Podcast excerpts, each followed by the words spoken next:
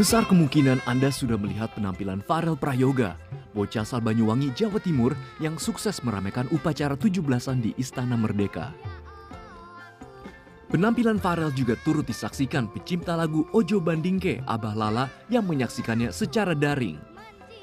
Melihat lagunya dibawakan di Istana Merdeka, Abah Lala pun tidak kuasa menahan air mata.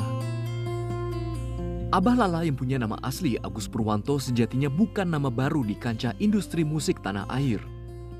Pria 35 tahun asal Boyolali, Jawa Tengah tersebut telah melahirkan sejumlah karya yang meledak di pasaran. Ditemui usai wawancara di program Rumpino Secret Trans TV Kamis siang, Abah Lala mengaku tidak tahu lagunya akan dibawakan pada upacara kemerdekaan Indonesia. Ia baru tahu saat temannya menghubungi untuk menyampaikan lagunya disiarkan secara langsung di televisi. Abah Lala kemudian menceritakan kisah di balik pembuatan lagu Ojo di Bandingke yang diciptakan sekitar empat bulan yang lalu.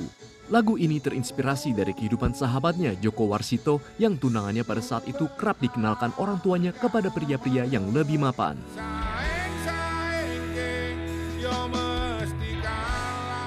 Meski bukan penyanyi yang membawakan lagu Ojo di Bandingke pada upacara 17-an, Abah Lala mengaku termotivasi untuk terus menghasilkan karya-karya yang dapat digemari pecinta musik Indonesia. Bagi Abah Lala, tak masalah jika penyanyi lain meraih kesuksesan dengan membawakan lagu ciptaannya.